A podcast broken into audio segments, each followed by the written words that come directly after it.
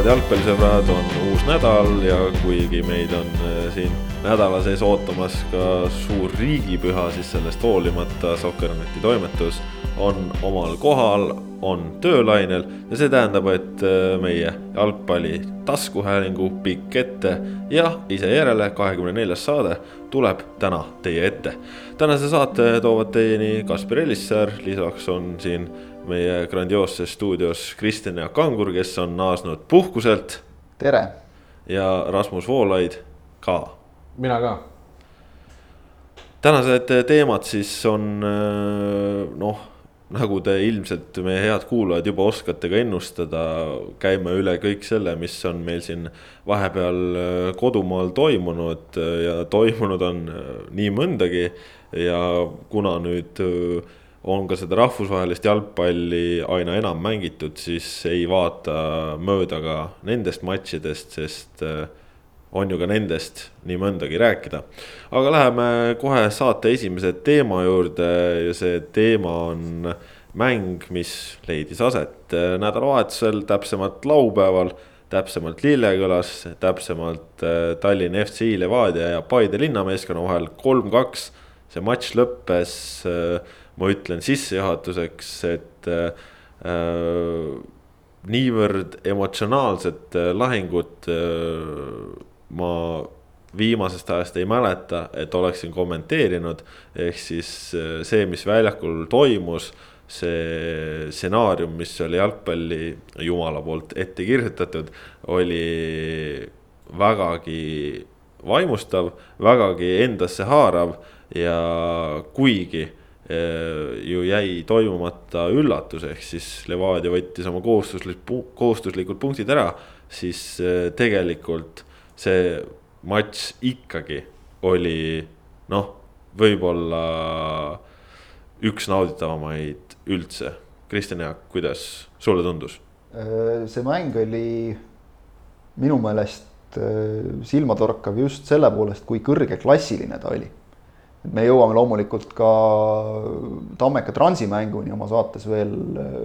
me, mõned mehed siin väga uljalt hõiskasid selle mängu ajal välja, et siin on nüüd hooajamäng on olemas. skoori poolest võib-olla jah, aga, aga ma ütleksin, et, et selle vooru tõesti absoluutne tippmäng oli just nimelt see Levadia-Paide mäng oma taseme poolest.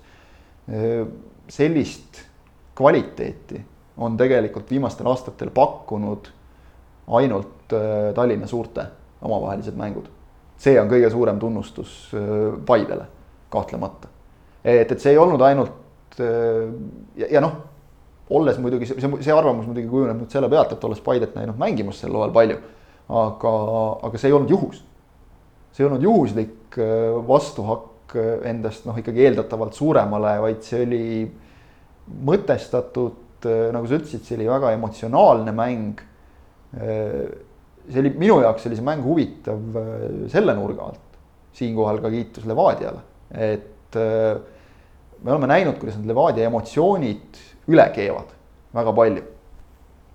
võib-olla üks ilmekamaid näiteid äh, Jevgeni Ossipovi kollane kaart selles mängus Paidega. koht, kus noh, Ossipov ei jäta kunagi kohtunikuga üldiselt seletamata, õiendamata, vaidlemata. null oli seda seekord, võttis oma kaardi vastu, kõik. See minu meelest näitab, et äh, Levadia meeskonna sees on, äh, on räägitud sellest, et kuidas oma emotsioone suunata, kanaliseerida, kui soovite, keerulise sõnaga. Äh, sellega sai Levadia suurepäraselt hakkama. Paidel olid tegelikult kõik võimalused sellest mängust võtta punkt, võtta isegi kolm, selles mõttes kaotus on nende suhtes neetult ebaõiglane. aga noh, nagu spordis tihti käib, et ega siis nagu esimesel korral ei, ei saagi kohe kätte, tulebki tööd teha, vaeva näha ja, ja noh, kahe, kahe väga võrd, tõesti võrdse meeskonna mäng, kus otsustavaks said pisiasjad, tohutult kvaliteetne mäng. noh, muidugi emotsionaalselt pärast mängu tuli ka, et siin Levadia sai oma väravad õnnega. ma tooksin välja kaks äh, sellist pisikest noh, niivõrd-kuivõrd pisikest nüanssi Paide väike eksimus keskväljal, kust tuli Levadia esimene värav. kui oli see minu meelest Jan-Michael Jao, kes seal olukorras nii-öelda nagu lendas läbi. ja sellest läks väravani tegelikult veel oma kümme sekundit, aga aga sealt tekkis selline olukord, kus Levadia sai paremal äärelt, paremalt äärelt rünnates tekitada väikese ülekaalu, tekkis see klassikaline olukord, kus üks mees läheb teisest mehest vabaks jäänud kohta kaitses lappima. Levadia tõi palli üle, sealt tõi tagasi pall kiiresti värava ette ja, ja sealt äh, Rasmus Peetson lõi ära. ehk äh, noh, imepisike asi, mille Levadia oma, tänu oma kvaliteedile lihtsalt oskas ära kasutada. ja loomulikult äh, Nikita Andreevi värav, kus, kus lihtsalt eksis korraks muidu väga head mängu teinud Mikkel Kurutšaga magas maha selle sissejooksu ja, ja sealt löödi ära, ehk et noh, niisugused pisiasjad, need oleks võinud minna teisele poole, toome kasvõi teiselt poolt öö, äh, olukorra, kus, kus Jaal oli võimalus, äh, võimalus lüüa, lüüa ära ja noh, sealt ütleme, sealt oli juba lihtsam oli ära lüüa, kui, kui mitte lüüa ja tuli kuskilt jumal teab kust kohast Pavel Marin sinna otsa tegi veel supertõrje Sergei Leppmets ja, ja noh, oligi kõik. ilmselt üheksal juhul kümnest sellised pallid Jaa paneb sisse, no seekord ei löönud ära. Ehk et Pavel Marin, noh nagu ütles ka Slava Zahhovaiko, lööb selliseid ristnurga kuule tõenäoliselt trennis ka võib-olla noh, ma ei tea, sajast kolm tükki läheb täpselt sellesse kohta sisse. et, et ma, ma ei saa siin öelda, et nagu õnn soosis tugevamat selles mängus, mõlemad olid tugevad, lihtsalt Levadia võttis oma kolm ära, aga, aga Paide, kui me veel vajasime neid tõestusi sellest, et Paide tase on tõusnud tõesti Tallinna suure kolmikuga võrdseks, siis, siis see oli siin olemas. Rasmus, kas õnn ikkagi tegelikult siis soosis tugevamat? ma ei ütleks ka, et õnn, Levadia võttis oskustega lõpuks ka need kolm punkti ära, mis, mida Paidel muidugi ei jäänud puudu, et oleks ise need kolm ära võtnud, aga aga kui, kui komplimentidest Paidele rääkida, siis ka see on kompliment, et nad on ju mänginud Kaljuga ju mitu korda väga võrdselt ja ära võtnud ka Kalju võõrsil. aga me nüüd me räägime alles sellest, et nad nagu näitasid suure, suure kolmiku vastu nagu tõeliselt sisu ja see oli kaotusmäng, et nagu need mängud, mis Nõmme Kaljuga olid, oli, olid küll väga head mängud nende poolt, aga Kaljut ei saa lihtsalt tõsta sel hooajal sinna, sinna päris samale, samale pulgale, kus need Tallinna rohelised ees on ja ja, ja see on, see on ka üks väga-väga suur kompliment. ja samas nad ju juunikuus viigistasid Levadiaga siinsamas väljakul ja tegelikult Flora hooaja esimeses omavahelises mängus oli ka ikkagi päris raskustes, kuigi seal Martin Milleri väravast üks-null äh, Flora võitis kodus jah, hooaja algus, eks ole, on üks asi ja noh, see Paide kunstmuru, sellest on ka palju räägitud, palju see mõjutab äh, samamoodi nagu, nagu sa Rasmus ütlesid, et noh, Kalju võib-olla ei ole nagu kõige parem mõõdupuu sel aastal, sest nad on mänginud lihtsalt noh, mitte kõige paremini. aga Levadia on praegu äh, taas, tundub igatepidi seda näiteks ka eelmise vooru mäng Transiga noh, emotsionaalselt heas seisus. Nad on üle saanud eurosarja pettumusest, minu meelest seda on mängud väga selgelt näidanud, neil on mehed, kes on, äh, on tõusnud heasse vormi, võib-olla Jean Morelli on kõige parem näide Äh, nad ei ole tegelikult lasknud ennast liiga palju praegu kõigutada sellest jamast, mis juhtus Jevgeni Kabajeviga, nii et noh, nagu nii-öelda objektiivselt võttes peaks nagu olema küll Levadia, ütleme viimase kuu tegemistes asju, mis masti maha tõmbavad. Tegelikult on nad äh, sellest kõigest üle saanud, et noh, nagu me oleme palju rääkinud, et kui võib-olla ütleme, Aleksandr Rogitšile noh, saab nagu ette heita mingeid asju taktikalistes nüanssides, ärme unustame, et ta on endiselt õppiv peatreener, siis äh, emotsionaalses plaanis see on küll selgelt tema trump ja, ja, ja kui sel hooajal on just need emotsioonid on üle keenud, siis praegu tegelikult mängus, kus oli väga suur tõenäosus selleks, et, et emotsionaalselt läheb asi lappama Levadial. Suudeti hoida kõik kontrolli all, ma arvan, et just see emotsionaalsuse kontrollimine, aga samas hoidmine üleval, et selle pealt mindi ja, ja löödi jälle. see oli tegelikult võti ja, ja noh, siin tuleb paratamatult ikkagi natukene sisse ka see, et Levadial on rohkem mehi, kes on selliselt emotsionaalselt laetud mänge mänginud. Äh, jääme siit Levadia juurde, aga läheme asjale natukene uue külje alt. Bogdan Mašuk äh, treenib Levadiaga ja saate lindistamise hetkel veel see avalik ei ole, aga mm, Rasmus, kuidas sulle tundub, kas üks Bogdan Mašuk äh, kuluks Levadiasse ära?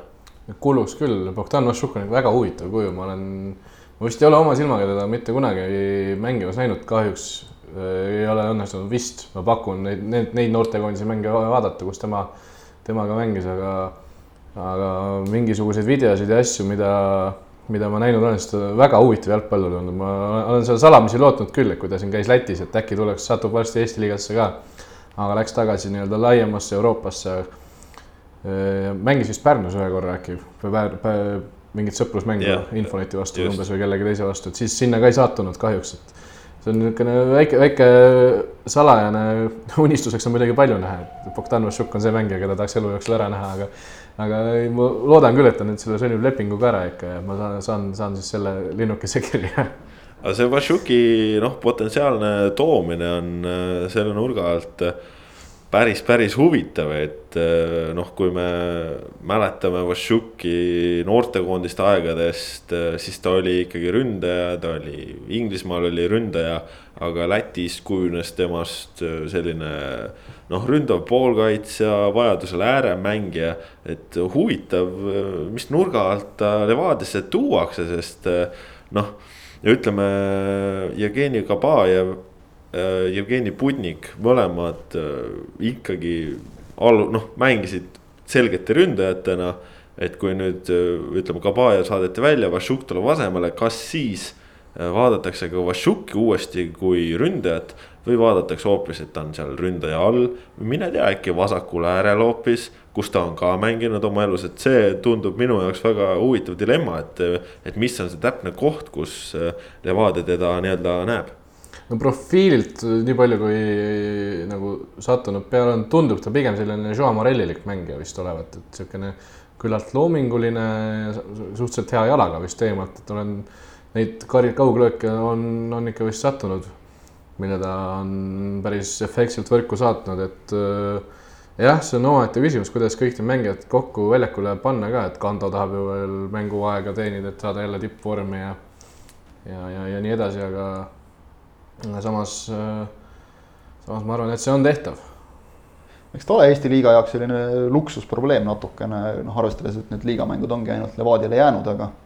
karikas ka. no karikas ka jah, aga noh, küll ta ära mahutatakse selles suhtes, et, et ega siin ju me teame, see Eesti liiga graafik võib ka kohati päris tihe olla, et, et küll tal need mänguvõimalused. Aleksandr Roogist teab ka, et kuidas ta võib olla väga ja. tihe positiivses ja negatiivses mõttes korraga. jah, et kord on nii ja siis on naa jälle, eks see sõltub tulemustest täpselt. tuule suunast ka. ja just, just tuule suunast ja kõigest muust. aga ei, vaat Vašuk on selles mõttes, ta on ju noh igatepidi mulle tundub, ma olen teda näinud ilmselt sama palju või vähe nagu sina umbes mängimas ja oma silmaga vist ka mitte ja, ja videote vahendusel. aga nii väljakul kui noh, oleme ausad, ka väljaku kõrval natukene nagu siin, siin on, on näha olnud viimasel ajal selles mõttes selline ebastandardne mängija, et, et ega ta nagu ei noh, ei, ei karda asju teha ega, ega öelda, mis ei ole ausalt öeldes tingimata üldse mitte halb minu meelest see on nüüd treeneri teha, kuidas selline isiksus noh, sobitada meeskonda ja ja, ja, ja ma, ma, ma miskipärast julgen arvata, et Aleksandr Rogic saaks sellega hakkama küll, nii et, et see käik oleks noh, Mašukile endale hea ilmselt. Tal läks ju ikkagi viimane no pool aasta kindlasti, isegi juba viimane aasta on olnud selline noh, nadivõitu. ehk et mängida ennast ja vanus on ka juba selline, et, et noh, nüüd tuleb ennast ikkagi kuskil pildile mängida, et sul oleks ka mingid numbrid ette näidata, kui tal on plaan ikkagi jätkata karjääri kuskil väljaspool Eestit ja ma ei mõtle ainult Läti meistriliigat sel ajal.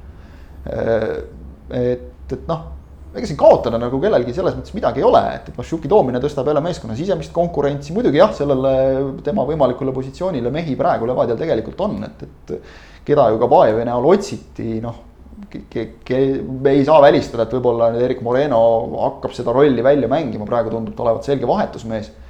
et, et noh, on vaja sellist tuima äralööjat nii-öelda et noh, Nikita Andreev on ka ise pigem seda tüüpi ründaja, kes noh, nagu tekitab võimalusi, et, et, et mitte, et ta lihtsalt ootab kastis šanssi ja siis. siis, siis lööb ära, kui pall jala peale tuleb no,. seda samas... tüüpi Vašjuk nüüd kindlasti ei ole.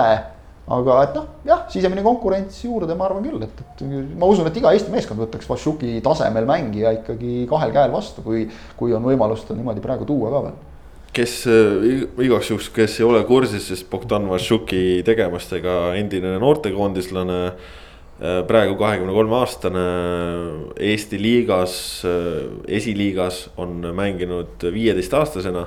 ehk siis äh, see oli ka viimane aeg, kui ta üldse Eesti meeste tasemel jalgpalli mängis ja ta ongi ainult ühe hooaja siis Eestis meeste tasemel mänginud, see oligi kaheksa aastat tagasi. viieteistaastasena esiliigas Infoneti ridades, premium-liigas ta väljakul ei ole käinud, sest Infonetis siirdus ta Moskva Dünamo akadeemiasse. sealt siirdus Inglismaa Redingu akadeemiasse, siis mängis noh, vahepeal käis seal Inglismaal laenul, siis mängis Läti kõrgliigas Läti tippsatsi eest ja nüüd siis viimase aasta oli Bulgaaria äh, tippklubis äh, ikkagi saab nii öelda Sofia Levskis laenul ja noh ütleme, et äh, tõesti oleks teda nagu kihvt oleks näha, et ta on kindlasti selline mängija, kes on noh tehniline ja kui sa ütlesid, Kristjan Jaak, et. et ta ei karda võib-olla väljaku kõrval öelda mingeid asju üsna otse, siis ta on ka selline mängija, kes ei karda väljakul Just. teha täpselt neid asju, mida ta tahab teha. see on selline positiivne nahaalsus, mis noh, ütleme, kui seda nagu jällegi õigesti suunata, siis on. mina näen nagu alati, et, et see on, see pigem nagu näitab mingit mingite isikuomaduste olemasolu, mis, mis nagu jalgpalliväljakul kahjuks kindlasti ei tule, ehk et noh, sihuke just jah, julgus teha ja, ja ütleme nii, et, et noh. ei taha teha liiga teistele Eesti jalgpalluritele, aga, aga Eestis vahel võib-olla natuke napib seda. Vot jah, vot nii palju Bogdan Mašukist siis igatahes, sest äh, saame siis näha, kas, mine tea siin juba lähipäevadel võib-olla juba, kui on podcast üleval, võib-olla on juba siis asi kindel, aga. hoiame köided, et Rasmuse unistus täituks ikka. see on ikkagi suur unistus aga läheme tagasi siis Paide juurde ja, ja selle mängu juurde. Paide poolelt äh, tegi siis oma premium-liiga algkoosseisu debüüdi Jean Morelli hea sõber äh, Bruno Caprioli, keskpoolkaitsja. ja ma julgen öelda, et see oli täiesti fantastiline sooritus. Caprioli näitas äh, väga head sisu, väga head võitlejavaimu Äh, väga head mängust arusaamist, äh, kaitseduellides oli tugev. Äh, rünnakule panustades näitas oma väga head löögijalga, väga head söödujalga, kaks väravasöötu nurgalöökidest. Bruno Caprioli, tere tulemast premium-liigasse. ma olin siiralt üllatunud, kui ma nägin algkoosseisu. et, et Vjatšeslav Havaikolt noh, väga, väga kõva lüke panna sellises mängus mees esimest korda premium-liigas algkoosseisu, kui tal oli enne vist kirjas kolm mängu. kahes neist alla poole tunni natukene ja kolmandas vist üks minut või midagi sellist, et noh. Okei okay,, ta on mänginud, tuletame meelde ka Paide duubel mängib esi, mitte esiliigas, vaid esiliiga B-s. ehk noh, hoopis teine tase. seal ta sai mingit mängutunnetust, ta oli ju tegelikult Paide juures juba jupp aega enne seda, kui ta registreeriti, nii et noh, tegelikult nagu meeskonnaga kooskõla leidmine ilmselt ei ole probleem aga panna sellises mängus mees, kes premium liigas on, on mänginud noh, ütleme tunnikese enne. see on kõva lüke, aga mees teab, mida mees teeb, ehk et noh, Zahvaiko, esiteks mulle meeldis see, et, et. Et mina otsustan, võtan vastutuse, noh, läheb pekki, siis läheb pekki. ja, ja töötas, toimis. me jõuame selleni ka, et noh, miks, miks tuli Caprioli välja võtta no aga selleni võimegi no, kohe jõuda. võimegi sinna jõuda kohe jah, see kuul-, kuulus või kurikuulus KTM reegel, et, et noh, see.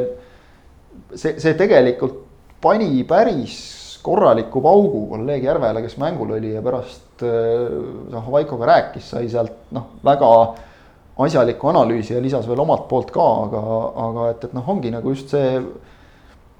see probleem, et, et sa pead nagu reaalselt võtma mingeid tege-, tegema mingeid muudatusi algkoosseisus ja võtma mingi, mingid mehed välja selleks, et panna KTM sisse, et, et noh, konkreetselt siis antud juhul öö, oli, oli see, et, et, et Caprioli koha peal on tavaliselt mänginud Sören Kaldma, Sören Kaldma on üks Paide KTM-idest.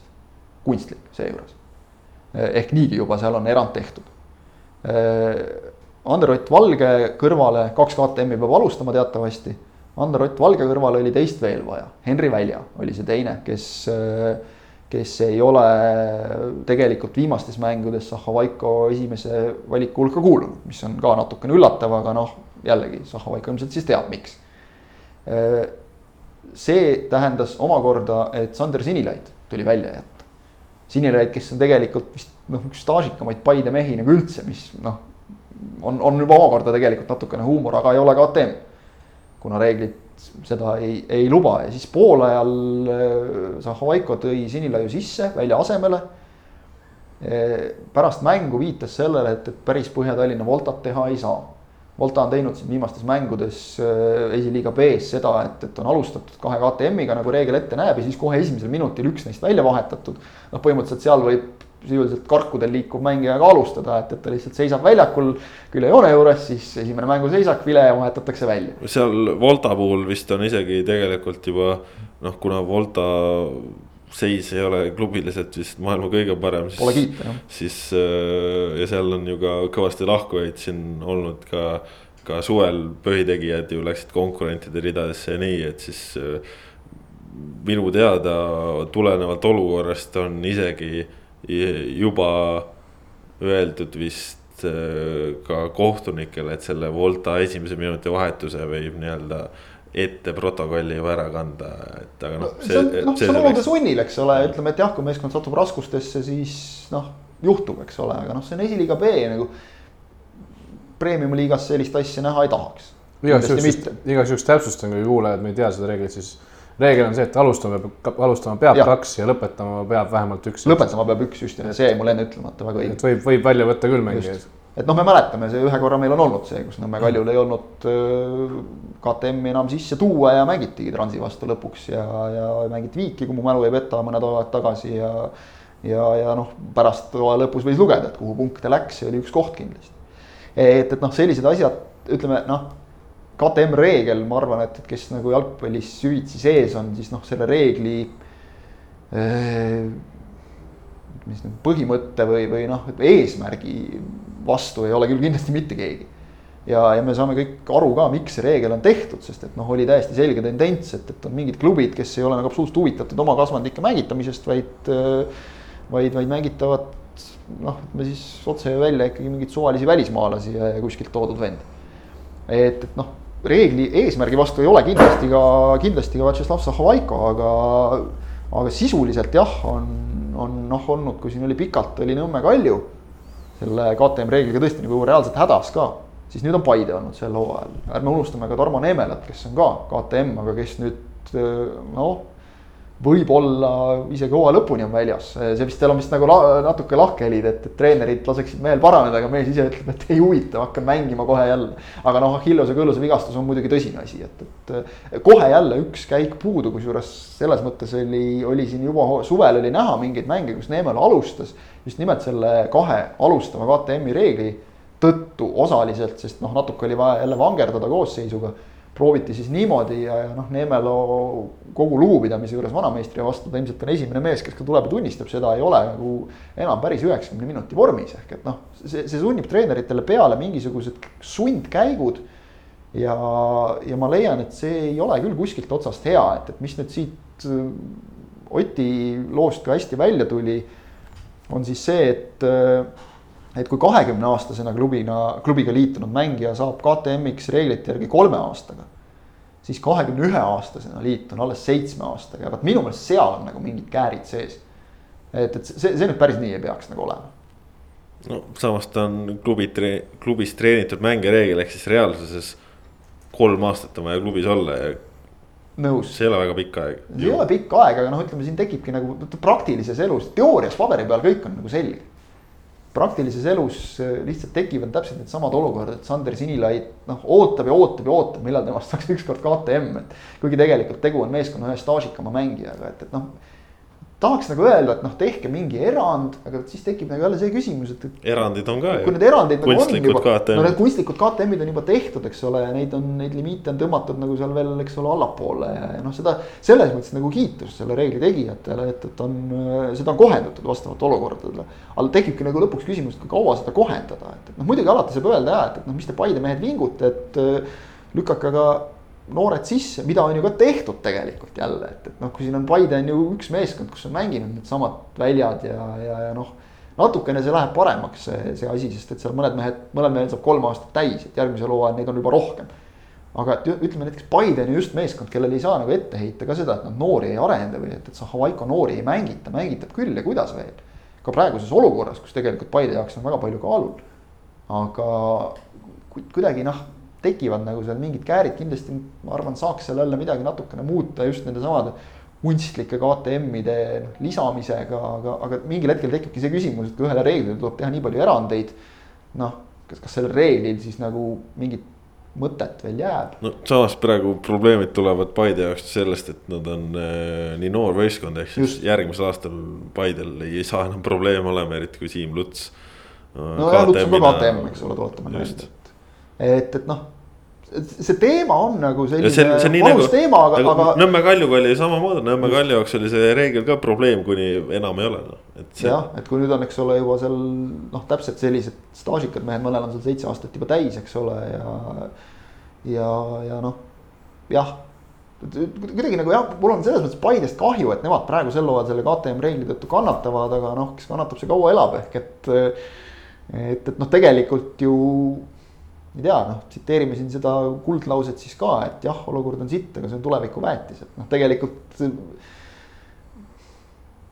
ma arvan, et võib-olla ei, jah, ei ole siis ka Paidel vaja nagu muretseda selle pärast Paide... ma saan, ma saan inimlikult aru. muretsemiseks kindlasti pole. ma saan inimlikult aru nagu see Havaiko pahameelest, et kui mingi reegel, noh, sa tunned nagu, sul on eriti pärast mängu, sa tunned, mingi reegel võttis mult selle võidu ära, kurat, oleks ma saanud seda kaprioolit mängida lõpuni või panna siinlaiu kohe alguses sisse, vot noh, küll siis oleks võtnud ära selle võidu, et, et noh, see on see on ka inimlik täiesti no,. aga ühesõnaga selle, miks ma tegelikult nagu pika jutu lõpetuseks võib-olla tahan öelda, on see, et, et noh, selle reegli suhtes jah. seal on nagu neid nokkimise punkte praegu veel, aga jällegi, et võib-olla tasuks seda reeglit ka vaadata nagu pikas plaanis ja tegelikult pikas plaanis. ma leian, et see töötab ja noh, nagu siin need etteheiteid umbes, et, et mingid mängijad lähevad mugavustsooni, noh, siukseid mängijaid leiab alati, kes lähevad mugavustsooni, et, et noh siis ongi nii, et mingil hetkel saab neid KTM mängijaid nii palju, et ka KTM mängija ei saa ennast tunda mugavustsoonis, näidatakse ust ja võetakse järgmine KTM lihtsalt. ja, ja noh, Paidel tuleviku mõttes peaks olema asi päris okei okay,, et kui vaadata nende duubli nimekirja, siis duubli nimekiri on juba praegu üsna KTM-i rohke, nii et. eks ta on jah. Paidel täpselt sama asi nagu Nõmme Kaljul oleks vaja oma duubel äh, iga hinna eest tõsta esiliigasse, sest seal saab lihtsalt tugevamaid mänge, nii et duublipoisid ka arenevad paremini, ma arvan, kuigi tegelikult ega noh, esiliiga B ütleme, et tipud on, on ju praegu ka, pakuvad ilmselt täitsa korralikku sihukest sparringut juba, aga just see, et teha sealt ütleme seitsmeteist, kaheksateist aastastel kuttidel nagu veel samm edasi, noh, vot see oleks, oleks nagu vajalik. nii, äh, oleme päris pikaks äh, siin pidama jäänud, läheme edasi premium-liigas selle juurde, mis toimus pühapäeval, ehk siis Nõmme Kalju suutis viimaste minutitega ära munada oma kaks-null võidu. Äh, Viljandi tulevikuga tehti siis kaks-kaks viik. Äh, ja noh, Rasmus, vaba mikrofon, mis juhtus? ülim rumalus, ülim, see oli jalgpalli abc, kuidas mitte jalgpalli mängida, mis on suhteliselt imelik raamat, aga, aga Kalju, Kalju selle ikkagi kirjutas eile. see oli täiesti täiesti kohutav vaatepilt, kuidas üks meeskond hakkas järsku jalgpalli mängima. mitte mingisugust põhjust ei olnud neil kuhugi kiirustada. ometigi ma arvan, see palli valdamise keskmine, keskmine pikkus, ühe palli valdamise episoodi keskmine pikkus oli seal viimastel minutitel, kaasa arvatud lisaminutitel ja juba mõned minutid enne seda maksimaalselt kümme sekundit ehk täpselt nii kaua võttis aega, et Kalju enda värava alt jõuaks vastase väravale ja annaks uue võimaluse Viljandi tulevikule mängu mängu viigistamiseks ja, ja ja. see lõpp oli ikka konkreetne oli, loomade, loomade jalgpall. see oli kohutav jah. otsige kuskilt, ma kindlasti kuskil Youtube'is on olemas, olemas see, et, et noh, mina, minu põlvkonna mehed veel mäletavad, võib-olla nooremad ei mäleta, aga et. on, on multikas Loomade jalgpall, kus on nii, et, et noh, nii-öelda kaamera on paigal ja siis kaamera eest mehed jooksevad ühele poole, teisele poole, ühele poole, teisele poole ehk et noh. see oli täpselt samasugune asi, et see oli, see oli veel idiootsem, kes, kes käis vaatamas Levadia ja ühest Jarnani euromängu ja, ja mäletab kindlasti väga valusalt seda lõppu. see oli veel kümme korda lollimalt mängitud lõpp, kui Levadia seal suutis, et noh, ma ei tea, võib-olla Levadial oli mingisugune brošüür oli olemas, aga siis Kalju võttis ja siis tegi sellest raamatu nagu, et noh, see müstika täiesti. see on see ka, ma olen vist paar korda siin saates varemgi Konstantin Vassiljevit kiitnud, aga mäletan seesama mäng mida ma siin kindlasti olen näiteks toonud hooaja alguses Portland Arenal, kus Flora võitis Levadiat kaks-üks äkki ja ja kuidas Vassiljevil oli seal samamoodi võimalus minna Kalju mängijate kombel pea ees karistusalasse, aga tema hiljuti siin nädalavahetusel kolmekümne viiendat sünnipäeva tähistanud vanameister, tark jalgpallur, võtab palli, läheb nurgalipu juurde, ootab, mängib seal pool, pool, palju kauem kui Kalju üks rünnak aega võttis. seisis tema, seisis tema nurgalipu juures, mängis aega, Flora võitis. Kalju ei mänginud aega, Kalju lasi kaks nulli pealt kaks-kaks viigi kusjuures Kaljul ei ole ju kaugeltki mitte rumalad ega kogenematud mängud. pool meeskonda tuli meistriks eelmine aasta. minu jaoks on nagu see küsimus, et noh, okei okay,, et siin võib nagu treeneri otsa vaadata, et, et kas, kas siis treener ei öelnud, aga. noh, me teame, eks ole, et noh, okei okay,, Viiki jäi mäng jah, aga et, et noh, sisuliselt Kaljule nagu kaotus jälle. et, et võidab meeskond, kaotab treener, aga noh, samas nagu ma tahaks küsida, et kas treener peab mängijatele nii elementaarset asja, täpselt jalgpalli abc-d siis seletama. seda teavad noormängijad ka. seda, seda kõik teavad, et nurgalipp on seal, mine sinna noh, eks ole, et ära, ära mine lööma. kusjuures jällegi oleks ju seal Kaspar Paur oli vist see, kellel jäi mingi sentimeeter puudu umbes, et oleks löönud ära kolmanda, oleks olnud kõik tehtud nagu ilusti. ei, aga siis oleks olnud see ja, loll kaheväravaline vahe. Kalju jaoks oli see ka, Košumovski pärast mängu ütles, et üks-null oli palju mugavam kui kaks-null. no see on see eelmise. Kalju mängijad ise panid siis oma meeskonna raskesse seisu. no see on see eelmise hooaja see klassika, eks ole, et kolm-null on kõige ohtlikum, eks ja. ole, aga ütleme selles mõttes Košuhovski jutus oli täitsa tõde, et, et tõesti Kalju jaoks see kaks-null oli hullem et ega tegelikult nagu Kalju ju noh, alguses ma vaatasin ka, kergitasin jälle kulmu algkoosseisu vaadates, selles mõttes kiitus peatreeneritele, et, et panevad mind üllatuma kogu aeg. et, et see, et Kalju läks äh, olude sunnil mängima kolmese keskkaitseliiniga, Uže Avilov ja, ja Reintam, see noh, ei olnud üllatus antud olukorras. küll aga oli minu jaoks see, et, et ääred olid endiselt Puri ja Paur ehk et noh, näiteks, et Kulinitš ei alustanud no see võib-olla äh, näitas Kalju suhtumist enne just, mängu. ja ma vaatasin nagu just, et väga kõva, et, et äh, minnakse ikkagi ründavalt mängima ja tegelikult see ju alguses töötas. töötas. see oleks, ütleme, see, see taktika oleks olnud halb juhul, kui tulevikul oleks olnud äh, piisavalt kiired ääred. Romeo da Costa oli eemal neil ei olnud lihtsalt ääre peal mehi, kes oleks suutnud võib-olla seda ära kasutada, et, et Puri ja Paur on. Gerdo Juhkamilt sihuke esimene tõsisem mäng ka alles üle kes oli kusjuures ääre peal tegelikult väga tubli. ta pani väga häid sõnnerusi hästi ja. et see oli tipp-topp, aga, aga ütleme nii, et, et noh, ja kuna ka tulevik mängis tegelikult reaalsuses, kuigi alguses nagu ka täpselt Sander Post natuke kavaldas. skeemis oli ju, oli ju, oli ju märgitud üks keskkaitsjatest veidikene kõrgemale. Alex Roosalu tegelikult mängiti ka sisuliselt viiese liiniga äh, noh, Kalju taktikaline lähenemine sellele mängule oli tegelikult äh, igati õige ja ütleme, et mingi kaheksakümmend minutit see töötas ka, aga siis hakati lollustega tegelema. ilmselt arvati, et mäng on tehtud.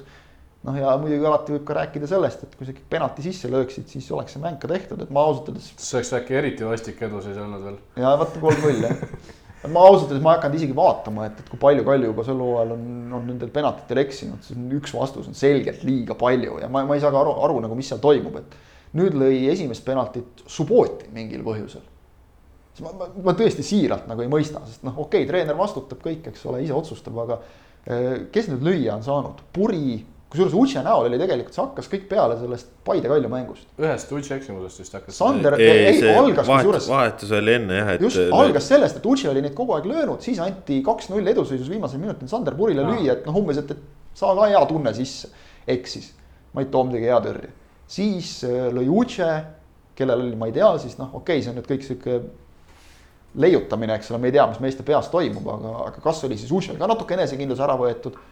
Uche eksis, siis on siin saanud vahepeal noh, lüüa veel mingit. Liilju sai. Liilju sai lüüa, eks ole, eksis siis sai vist uuesti Uche millalgi proovida, noh, mõned saadi vahepeal sisse ka, nüüd järsku lõi, Uche oli täiesti platsil olemas. nüüd lõi Subbotin, noh, okei okay,, Subbotinil ka on enesekindlust kindlasti juurde vaja ja noh, lõi kindlalt kindlasti nüüd ta on palju enesekindlam on tänasel päeval, kui ta eile enne seda penaltit pärast kaks, kaks, no, kaks, kaks viiki. noh, jah mõte oli õige jälle, eks, et noh, umbes anname, anname Suole enesekindlust natukene juurde, siis ta muidugi suutis jälle teise värava puhul sisuliselt pallist mööda lüüa ja noh, seal oli ka õnne, et, et see vastu Sander Puri jalga põrkas. ja Igor Subbotin üks pluss üks eile, eilsest mängust on vist ikkagi maailma kõige ebaausam üks pluss üks. seda küll jah, et noh, see, sellest me võime veel siin terve saate teha, et, et mis on juhtunud Igor Subbotiniga, eks ole. aga, aga siis lõi Mata. kes no. ise teenis, võib-olla see oli see. Sorry, no see on hoovi jalgpall, noh, ise teenid, ise lööd, noh, see nagu see tavaliselt ei lõpe hästi. Matal oli eelmises mängus kübara, tal ei ole nagu vaja seda enesekindlust või seda nagu juurde anda, et saaks oma esimese kätte, tavaliselt ei lõppegi hästi, oligi pehme plönn Poplavski saimas hästi ära korras ja no isegi siis mäng oli Kalju kontrolli all. aga nüüd jah, nagu noh, mängijad, ma, ma eeldan, et noh, täiskasvanud suured mehed, et, et oskavad peeglisse vaadata küll. et, sorry, aga selle mängu mängisite küll teie maha, et, et ma, ma ei tea, kas see Kožuhovski lause, ta üldiselt hoiab, nii nagu õige treener peab, hoiab oma mehi mänguvärksetes intekates, neid ei tambi. Aga, aga kas see nagu oli mõeldud väikese torkena nagu, et, et noh, et, et kaks nulli pealt ise läksite, hakkasite, hakkasite rumalusi tegema mul oli nagu, mul oli tast siiralt kahju, kui ma vaatasin teda ETV kaamera ees, sest et ta oli väga löödud mees, kuna noh, seal, seal nagu on treeneril on väga raske midagi teha, sa ei, sa ei lähe ju rääkima elementaarseid asju mängijatele. tõenäoliselt ta pidi seda ikkagi tegema ju, sest äh, vastasel juhul noh, no kui ta nägi, et mängijad käituvad idioodi kombel. ei no ma usun, et ta platsi ääres reageeris sellele. hõikama ja, ja kas aga... mängijad siis kõrvaklapid peas nagu hobused või? see, see ongi minu jaoks suur küsimus, et ju siis, et, et noh, kas te siis jooksete pimesi ringi nagu ei näe, ei kuule või noh, ei saa aru ka, et. sest et noh, vaadake, vaadakem kasvõi kordusest seda Kalju kolme keskkaitse tegutsemist äh, Indrek Ilvese kaks-kaks värava olukorras, no andke andeks, no see on huumor kuubis. Noh. seal põhimõtteliselt yeah. suutsid kõik kolm meest, Uche, Avilov, Rentam, kes noh, hooaja lõikes on tegelikult ju kõik mänginud nagu enam-vähem korralikult pallist mööda, mehest mööda, noh. ma ise vaatasin ringi ka, ei saanud üldse aru, kus pall rattas vahepeal. naiivne, noh, naeruväärne tegutsemine. ju kolmekesi nagu täpselt jälle hoovi jalgpall, joostakse palli peale kokku ja siis vaadatakse, kuidas ründaja lükkab varbaga kolme mehe vahelt palli läbi ja läheb lööb ära. et muidugi kõige selle juures, et kui me praegu siin seda vaest kaljut jälle tambime, et, et noh, tõesti sorry, ei taha teha seda, aga noh, oli selline mäng. et Viljandi tulevikus müts maha see näitab ka ikka sisu, et, et kui sa sellises mängus nagu hoiad lõpuni seda keskendumist ja usku. seda tulevikule, see üks punkt, okei okay,, noh, Kalju jäi kahest ilma, elavad üle, mänge on veel küllalt ees ja nad on võitluses ilusti püsivad pildile, aga, aga tulevikule just emotsionaalses plaanis see üks punkt lõpuks kätte saada. mängitud on ju korralikult siin viimaseid mänge, aga punkte pole absoluutselt tulnud, see hindamatu väärtusega ja tulevikul tulevad väga-väga tähtsad mängud oma lähikonkurentidega, tabeli tagumine nelik on ju kahe punkti sees, kui ma ei eksi. Oli vist seitseteist, kuusteist, kuusteist ja viisteist. vist jah, midagi sellist, südamlik on veel see ka, et just Indrek Ilves selle nii-öelda S-kaardi pakis oli, et äh, Ilves oli ju aastaid-aastaid tuleviku vankumatu liider ja nüüd sel aastal siin suvel, kuu aega tagasi umbes, Tartu Tammeka mäng oli esimene, kus ta esimest korda aastast kaks tuhat seitseteist alustas Premiumi liiga kohtumist pingi peal ja nüüd jäi pingile ja tegi täiesti geniaalse vahetuse. mitte ainult see, mitte ainult see värav, aga, aga Reginaldi eest näiteks jooksis ära, Reginald proovis ta, selja tagant kätte saada kuidagi, tegi mingi taklamise ka, Ilves pani suurepärase palli värava ette, mis poleks puri sinna viimase mehena vahele jõudnud, oleks, oleks Kaimar Saagi mingi viis minutit varem selle kaks-kaks ära löönud, sest seal oli nii palju võimalusi lihtsalt täiesti, täiesti crazy.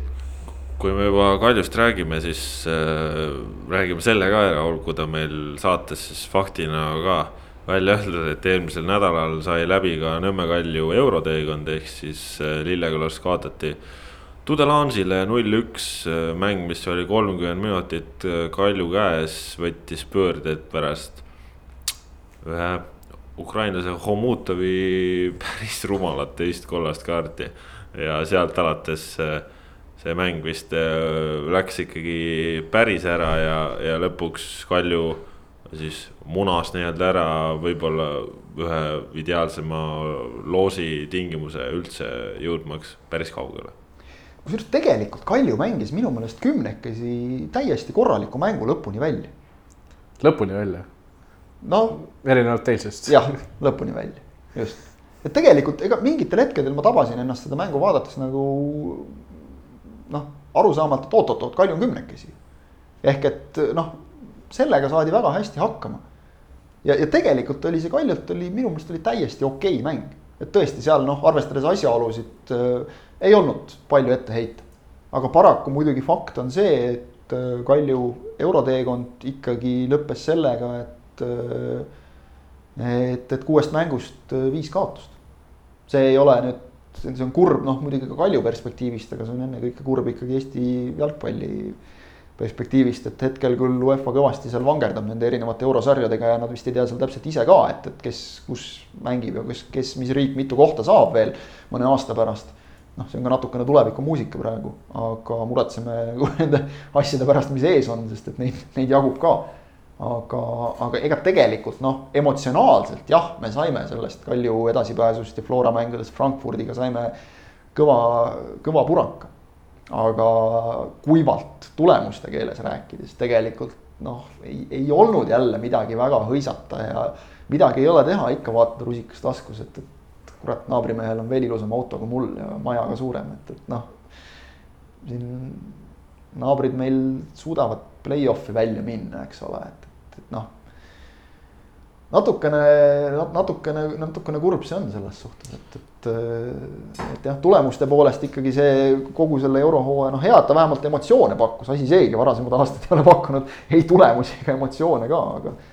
aga, aga noh, ütleme, et sammuks edasi ma seda nagu tulemuste põhiselt veel ei julgeks küll nimetada kahjuks no samas ütleme, kui Eesti kaotab siis ühe eurokoha, ehk siis tulevikus näiteks juhtub nii, et on meister meistrite liigas ja, ja siis kaks klubi on Euroopa liigas, olgu ta siis üks-kaks või, või jumal teab, mis muu asi, siis mida me tegelikult kaotame, noh me kaotame Narva Transi tõenäoliselt. ei no selles mõttes, et äh, Eesti jalgpall kaotab tõenäoliselt sada viiskümmend, kakssada tuhat eurot ja see on ainus kaotus, mis tuleb see sellepärast, sellepärast, sellepärast, et see neljas klubi, kes praegu igal aastal Euroopasse saab, millal ta tõi punkte? mitte mingeid punkte pole toonud see neljas klubi. nüüd, praegu tulevikku vaadates on natukene positiivsem ikkagi vaatame, meil on kolm Tallinna klubi ja Paide linnameeskond, mitte. jah, see sõltub väga palju sellest, milline klubi jääb liigas neljandaks ehk äh, eurorahadest ilma ja kui, kuivõrd on see klubi oma noh, eelkõige siis ka lähitulevikku ehitanud just nimelt nendele eurorahadele, sest me teame, et, et noh, kuigi teoorias nagu nii ei tohiks, aga praktikas ikkagi väga paljud ju noh, nagu nii-öelda arvestavad kevadel või talvel meeskonda komplekteerides ette juba selle summa. sest noh, meistriliiga kohad on teada, eks ole, karikasarjas üllatuste noh, aset leidmine on harv. Sellest sõltub noh, eks ole, et, et kas, kas see mõjutab mingit mingi klubi tulevikku, kui ei mõjuta, on tõesti, sul on õigus jah, selles mõttes on noh, vahet pole. kui te tead tööd ja oled nii hea sats, et peaksid igal juhul mängima Euroopas. kui sa tunned, et sa oled sel tasemel, siis no, sul on äh, ka üks mängija, kelle sa müüd selle kahesaja tuhande eest äh, välismaale, sul on seesama raha olemas. siis sa oled sellega arvestanud, täpselt. et, et noh, seda juttu ka, mis siin on vahepeal nagu levima hakanud, umbes, et Eestis ei ole noh, a la stiilis, et mõnele klubile, tippklubile ei jagu mängijaid no ma ei tea. võib-olla, võib-olla on siis nagu see koht, et, et siis on nagu lootused on ebarealistlikud natukene. sest et meil oli alles mõni aasta tagasi oli, oli neli tippklubi, okei okay,, Paide võib sinna kõrvale tõsta, eks ole, noh, seni on Paide opereerinud rahalises plaanis noh, ikkagi natukene nagu teiste võimalustega kui Flora Levadia Kalju puhtalt täpselt nendest eurorahadest tulenevalt, eks ole. aga, aga meil oli ka Infonet, eks ole et meil oli nagu neli Tallinna suurt klubi oli olemas ja siis, siis minu mäletamist mööda nagu küll jagus kõikidele meeskondadele täitsa mängijaid, et kannatas nagu pingile ka seitse varumeest panna. ja et, vahepeal ju juhtus selline grandioosne asi, et Infonet ja Levadia ühinesid, ehk siis kahest meeskonnast sai ja. üks mängijaid jäi üle. Nagu, mängijaid nagu ei praegu, kaotatud ära kuskilt maamuna pealt. praegu on ju reaalne seis selline, kus osad mängijad äh, nimesid nimetamata, okei okay,, nimetan välja, Maksim Liipin eelistas ju esiliigas mängimist Narva Transile näiteks, meil on, meil on mehi isegi esiliigas, keda saab võtta ja. et, et ma nagu selle, selle noh jutuga küll üldse nõus ei ole, et umbes meil ei ole mängijaid, siis sa võtad mingi mängija ja, ja, ja ta siis see mängija areneb, see ei pea tingimata olema isegi noor mängija, ütleme praegu keegi võtaks Maksim Liipini, siis ma arvan, et, et Liipin võrreldes noh, oma praegu paratamatult lihtsalt selle tõttu, et ta mängib esiliigas, eks ole, Leegioni eest, ta saaks veel juurde panna, sest klassi sellel mehel ju tegelikult on, see on ju no, teada, et noh. ja siit on ju tegelikult väga põnev näide ka Nõmme Kaljust, kes äh, tõi omale talvel äh, esiliiga B-st Aleksandr Ivanjušini. kes on siis varem mänginud ka kõrgliigas Sillamäe Kalevis, aga tõi esiliiga B-st Ivanjušini, Ivanjušin ei olnud premium-liigas mänginud midagi ja siis sai Glasgow Celticu vastu euromängus peale, nii et noh, saab ju ka nii. jah, võimalusi on selles mõttes jah, Premium liigas oli enne null minutit, sai seal, seal mängida, et, et noh, nagu. seal joon, jooned natuke läksid sassi, aga. no see ikka juhtub, eks ole, selles suhtes. aga noh, kuigi Kalju euroteekond sai läbi, siis äh, siin on eestlastel võimalus natukene Kalju hurjutamise eest äh, kätte maksta. nimelt Ilja Antonov äh, siis Euroopa liiga järgmises ringis oma koduklubi Ararat Armeeniaga kohtub sellesama Tudelange'iga ehk siis äh, oleks Kalju võitnud, oleksid nad ise mänginud Antonoviga, nüüd siis tuleb Antonovile pöialt hoida, et nad äh, need Luksemburgi fritsud välja lööksid sarjast ja pääseksid alagrupi turniirile ja teistpidi kättemaksu koht on ka Karol Metsal, kes oma koduklubi Stockholmi AIK-ga äh, mängib siis Glasgow Celticuga. Ehk siis äh, noh, eestlaste ja eriti Kalju fännide jaoks tõenäoliselt väga äh, noh, sellised tähelepanuväärsed kohtumised need on. Ja ma arvan, me peame ikka kõik väga palju pöialt hoidma, et Eesti jalgpallurid jõuaksid Euroopa liiga alagrupi turniirile meistrite liigasse. Kedagi loota ei ole ja noh, pärast äh, Ragnar Klavani Liverpoolist lahkumist äh, ongi seis nii olnud, et ega seal pole keegi mänginud, nii et. jah, ütleme, et loodame, et siis nende kapsad ei ole käärima läinud ja, ja see, et see puu, see puu, kust nagu mahla võetakse, et see siis on ikka kask, mitte, mitte, mitte vaher, nagu on siin tänapäeval kombeks viimasel ajal. selles suhtes haruldane seis, et isegi kui, isegi kui Kalju fännid mõtlevad, et Antonov ja Mets on ju Levadia ja Flora taustaga mängijad, siis mäng makstakse nende eest kätte, nii et kogu Eesti jalgpall peaks olema ühe asja eest väljas. no tegelikult Kaljul on siin äh, järgmised kaks mängu on äh, Flora ja Levadiaga, nii et ma loodan, fookus läheb sinna ja ja las need, las need Mets ja Antonov seal müravad omaette, et küll pärast. Kalju fännid võivad ikka vaadata. ja, ja muidugi, ma arvan, et noh, väike sihuke siis kui Celtic meistrite liigast lendas, siis natuke ikka oli, et sest noh, olles ise seal Glasgow's käinud, siis jumal paraku tuleb tunnistada, et, et kohalikud ikkagi teavad seda asja, et, et seal jutt oli see, et no mis see mäng homme lõpeb, viis-null. ja noh, siis ütled küll, et jaa-jah, räägi, räägi viis-null. enne mängu on hea. teadsid kahjuks jah, teadsid, noh kuigi see oli ka muidugi selline mängueelne ärplemine, aga, aga et noh, arvestades seda, et, et selline hoiak oli ikkagi see, et ah, mis te sealt Ida-Euroopast, et noh. tore, et tulite, aga et küll me teid viis-null võidame, et siis muidugi oli, oli selles mõttes, ma ütlen ausalt, et noh natukene see on see Briti saarte jalgpalli sihuke üleolevus, et, et e-, ega mul väga isiklikult väga kahju ei olnud, kui Celtic äh, rumeenlaste Cluj'ilt tappa sai just. mitte, mitte niivõrd isegi Kalju tõttu, vaid just selle üleüldise suhtumise. ja šotlased olid ju ka pärast Kalju mängu, et äh, seal meedias, et come on, et miks me peame mingi rumeenlaste Cluj'iga mängima, et mis sats see on nagu.. oli, oli, et miks me peame selliseid noh, Cluj, kes on mänginud. ja, et umbes Celtic peaks olema ala, alagrupi turniiril. mitte väga ammu meistrite liiga alagrupis, eks ole, et ei ole nagu väga alahindamise koht, aga noh, Dan Petrescu nime võiks teada, ma arvan, nüüd jääb meelde võib-olla Celtic fännidele ka no loodame. Gruusi peatreener siis, kes. aga läheme, läheme siit edasi siis võib-olla kõige enam tähelepanu toonud äh, mängu juurde, mis eelmisel nädalal meil aset leidis ja see on kahtlemata Tartu Tammeka, Narva Trans kuus-neli.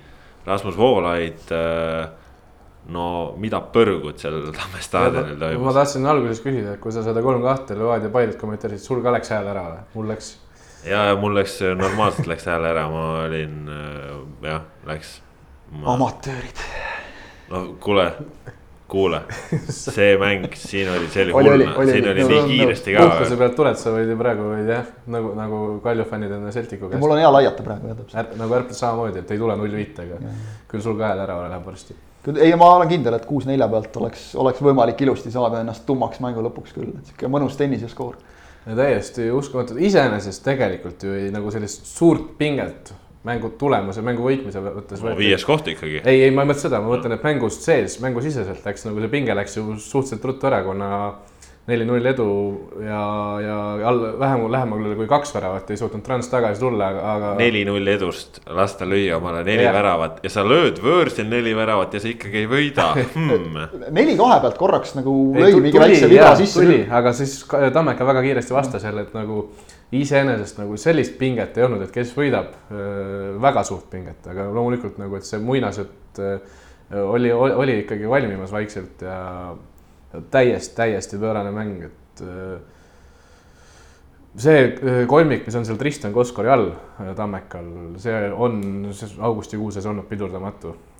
Patrick Enro Veelmaa, kübaradrikk, Markus Soomets tegi nüüd kolmanda mängu ja on siis esimene mäng värav ja sööt, teine mäng sööt ja nüüd jälle värav ja siis veel Sander Kapper, kes pani nüüd kolm väravasöötu ja.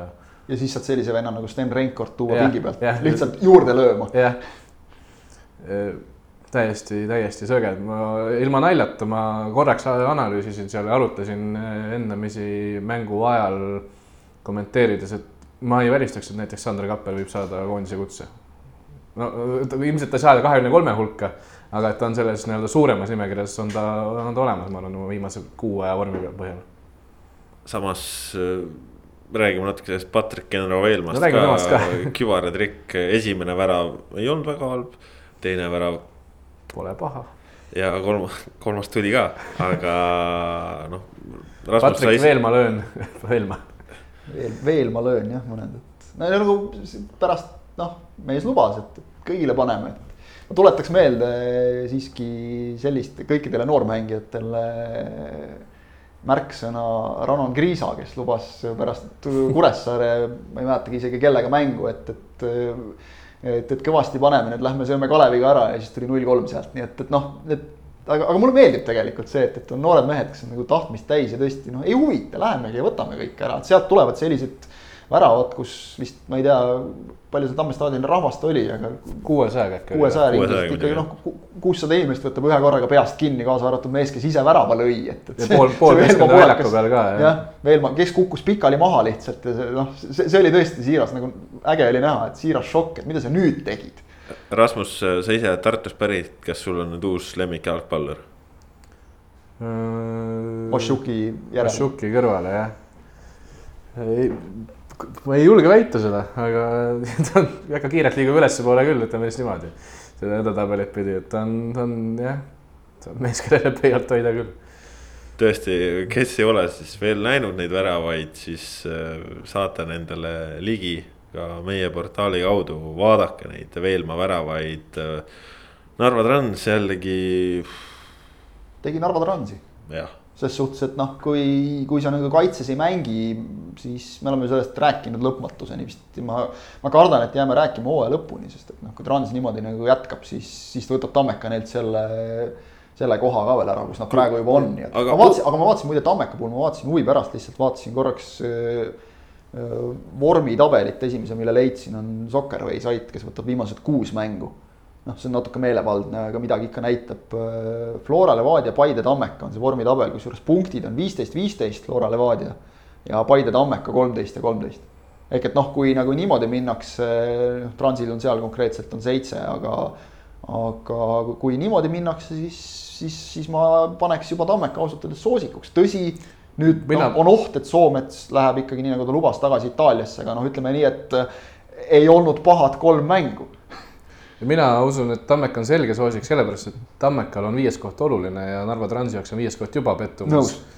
ehk äh, nad ei ole ilmselgelt nii motiveeritud seda viimast äh, kolmandikku hooajast mängima kui Tammeka jaoks on see viies koht äh, ajaloo parima tulemuse kordamine. ja minu jaoks Tammeka tugevust sisemist näitab ka see, et, et tehti ju väga võimas hüpe pärast kehva hooaja algust, hakati võitma, pandi, mängiti väga hästi pandi jälle trans, eks ole, Narvas äh, kotti, et noh, kuidagi ühesõnaga, kui nüüd meeskonnad, need meeskonnad veel omavahel mängivad, siis vaadake, sest väravaid tuleb igale maitsele igalt poolt.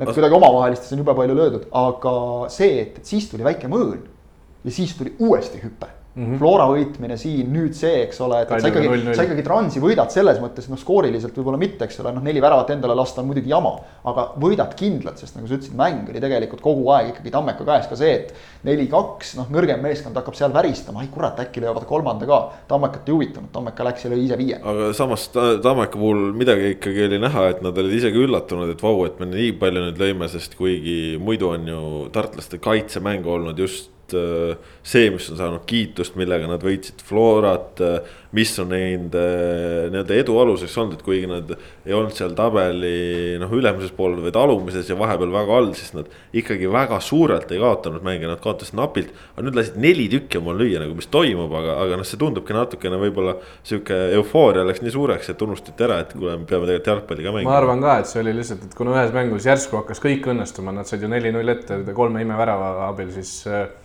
siis sealt nagu isegi kui mängijad ise ei tahtnud seda teha, siis äh, paratamatult see oli täiesti nagu uus kogemus, uus, uus seis, et ma arvan, sellepärast jälle hästi jalg sirgeks. just, et vaat kui me rääkisime Kalju puhul nagu sellest, et kuidas nii kogenud mehed saavad nii rumalalt käituda, siis noh, ütleme Tammeka saab nagu natukene selle võrra andeks, et jah, neil on ka muidugi kogenud mehi koosseisus, aga just kõik need no isegi Koskori võib veel sinna nagu noorte, noorte alla lugeda, eks ole, rääkimata Veelmaadest ja, ja kõikidest. ja põhimõtteliselt ainult Laabus on niisugune päriselt kogenud mees. just, et, et, et noh, saavad andeks.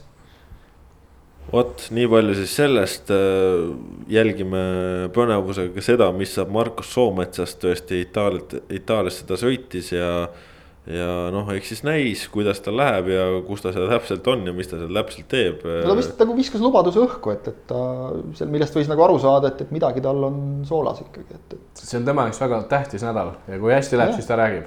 no väga hea, loodame, loodame, et läheb ja no kui, kui läheb nii-öelda halvasti, siis läheb jälle Tammekal hästi, et saavad mehe tagasi võib-olla ja, ja ega, ega Soometsa jaoks kindlasti ei oleks ka ütleme siin hooaja teine pool Eestis mängida, kui ta, kui ta niimoodi mängib, nagu ta seni on mänginud Äh, ei oleks üldse mitte halb. ja siht, mida ta siis sihib, on äh, seeria B vähe loodetavasti või siis seeria C nii-öelda tipp, tipp. vot, aga läheme edasi premium-liiga mängudega, üks väga oluline mäng, mis võib-olla nii suurt tähelepanu ei saanud, oli Maardu Kuressaare.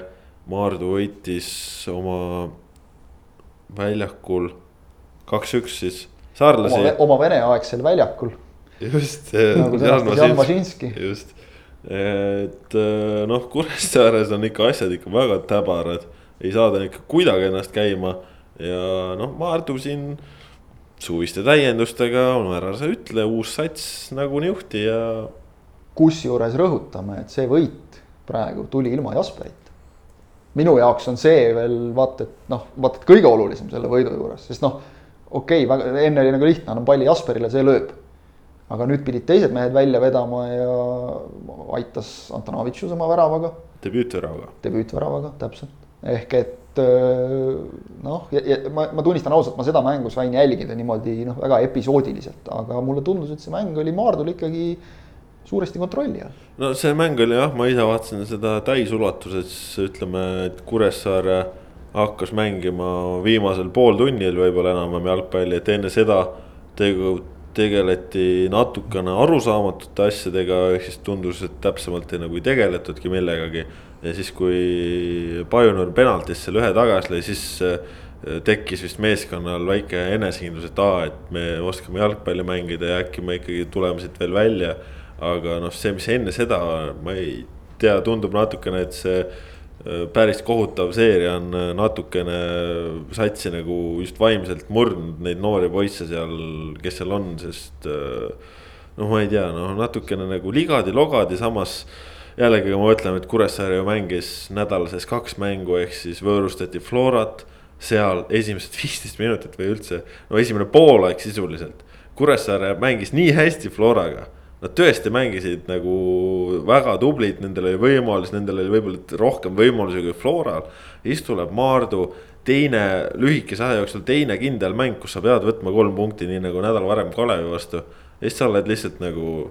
no isegi viik oleks olnud Kuressaarele ju täiesti okei okay tulemus tegelikult sealt. no aga ma ei tea, mis aga, seal, seal on igatahes. Bažinski ütles pärast mängu vist, olid vist oma kodulehel antud kommentaarid, et et, ega meil ju tegelikult mängupildiliselt midagi hullu ei ole, et, et noh, tulemused on ka nagu nii ja naa noh, siin olnud noh, vaata, et seal on ikka päris pakke ka tegelikult tulnud viimase kahe kuu sees, et et, et, et jah, ma loodan, et ta meestele räägib natukene teist juttu, usun, et räägibki, sest et noh, avalikkusele sa pead väljendama neid asju veidikene teistmoodi aga, aga, aga Kuressaare peab ennast kokku võtma, sellepärast et tõesti, see tabeli tagumine ots on läinud tihedaks, nüüd on nii, et, et viimasest voorust äh, emotsionaalse laksu said juurde nii Tulevik kui ka siis Maardu. ja, ja noh, Tallinna Kalevit oleme näinud, et, et see meeskond nagu vaimselt naljalt ei murdu, ehk et, et noh, nad teavad, kes nad on, kus nad on ja nad ajavad oma asja edasi ja noh, see on vist mäng, millest on tõesti mõtet nagu kahe lausega üle libiseda, et Flora sai oma kohustusliku võidu kätte ja Kalev ei teinud neile seda kergeks. ma arvan, et. ehk noh, mõlemad võivad nagu rahule jääda. ma võib-olla ühe asja ütleksin veel, et see on ülihuvitav, et Kuressaare on, ma ei tea, mingi kaksteist mängu vist võiduta või midagi taolist Nad on ikka, ikka veel seitsmendal kohal tabelis, ehk see näitab natuke tabeli tagumise otsa kohta, et mehed, millega tegelete. tagaotsas on nagu üksteiselt võetud neid punkte vist ka kõvasti, et nii nagu praegu Maardu võttis Kuressaarelt, et noh. Praegu Kuressaare on seitsmes, aga nii-öelda, kui me koostaksime siin hetke power ranking'u, siis ma asetaks nad küll viimasele kohale, et praeguse seisuga on nad kõige tõenäolisem äh, väljalangeja. ja et seda nagu ei tasuks unustada, et, et noh, me oleme kogu aeg rääkinud ka Kuressaarest kui noh, ütleme a la peaaegu kindlasti seitsmenda koha meeskonnast vähemalt, eks ole, et, et äh, ärge nagu selles mõttes kujutage ette. ärge enam seda jah. ärge, ärge nagu ise jumala eest nii, nii mõelge, eks ole, et, et nüüd nii ongi, et, et ma vaatan korra veel huvi pärast seda. seitseteist Kuressaare, Tulevik ja Kalev kuusteist ja Maardu viisteist, noh et noh, kui ma vaatan sedasama vormitabelit, eks ole, siis, siis siit jääb silma, et jah, nagu sa ütlesid, kaotuste seeria on juba väga pikk, eks ole, kuus mängu, kuus kaotust väravate vahe neli, kakskümmend kaks, noh, see, see on, see peaks küll ikka panema häirekellad lööma juba täiesti. teistel on positiivseid märke, Kuressaarel ei ole praegu positiivseid märke. praegu mitte, mis ei tähenda, et seda ei võiks nagu noh, kohe hoobilt tulla jälle mingi ühe-kahe mängu. aga, aga ütleme nii, et, et on, on mõttekohta.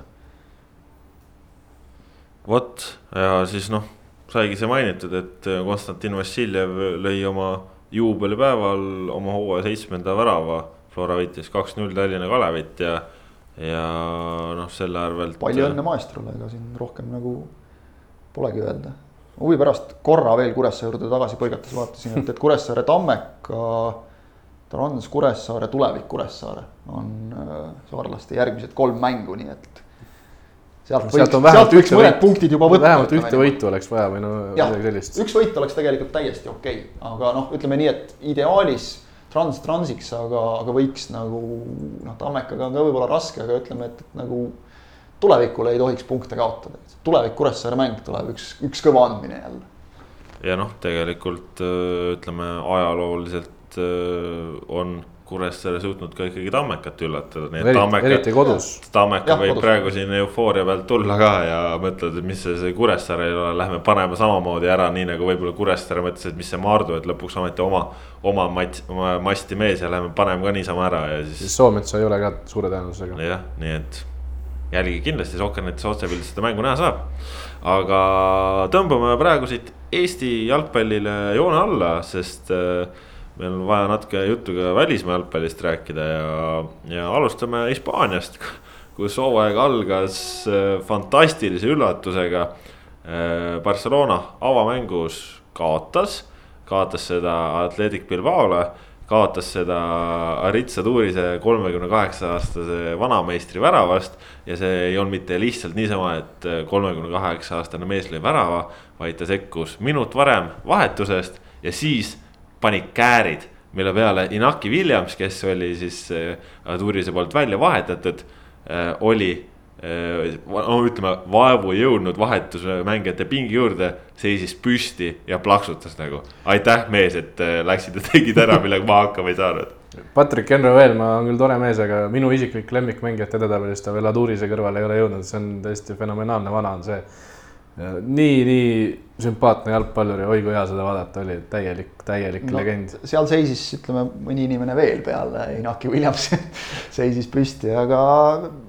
no kogu staadion. minul oli jah, just, et, et noh, mul oli nagu isiklikult oli jälle selline hea meel, et, et kui et saad nagu aru, et, et kui, kui vanaks sa oled saanud või jäänud, kui, kui vaatad, et, et mingid vennad jooksevad platsil ringi, kelle isad mängisid siis, kui sa nagu jalgpalli vaat-, vaatama hakkasid et siis vaatad, oh küll aeg on nagu lennanud, aga nüüd vahelduseks nagu, et teeb tegusid ka keegi, kes on sinust endast vanem ikkagi, siis nagu mingi lootus veel jääb, et, et kõik ei ole päris kadunud, et saab asju teha küll. aga ma arvan, et, et kogu liigale selles mõttes nagu super, et noh, muidugi siin kohe, kohe võib ka öelda, et, et päris kõva sõna on nagu see, et lüüa kogu hooaja ilusaim värav ära nii, et see on hooaja esimene värav. kogu hooaja esimene värav, sest see oli reede õhtune esimene mäng üldse liigas aga, aga muidugi kogu liigale see on hea selles suhtes, et noh, Barcelona kohe vastu näppe sai ja, ja kui seekord oli tõesti siis see, et, et. et kui ikka Barcelona fännid tõrjuvad seda, et me ei ole mingi ühe mehe meeskond, siis noh. Messit ei olnud, olnud ikka üldse mitte midagi ausalt öeldes. Kriismann oli suhteliselt ikkagi täiesti tavaline. Kriismann oli päris halb ausalt öeldes no,. ma tahtsin ilusti öelda jah ja., et ta oli halb ja üks asi, mis ma veel tähele panin, oli kuskil neljakümne kolmandal minutil seesama Inaki Williams, kelle asemele Aduris tuli näitas ekraanigraafikat, mees on, mees on selleks hetkeks jooksnud üheksa pool kilomeetrit.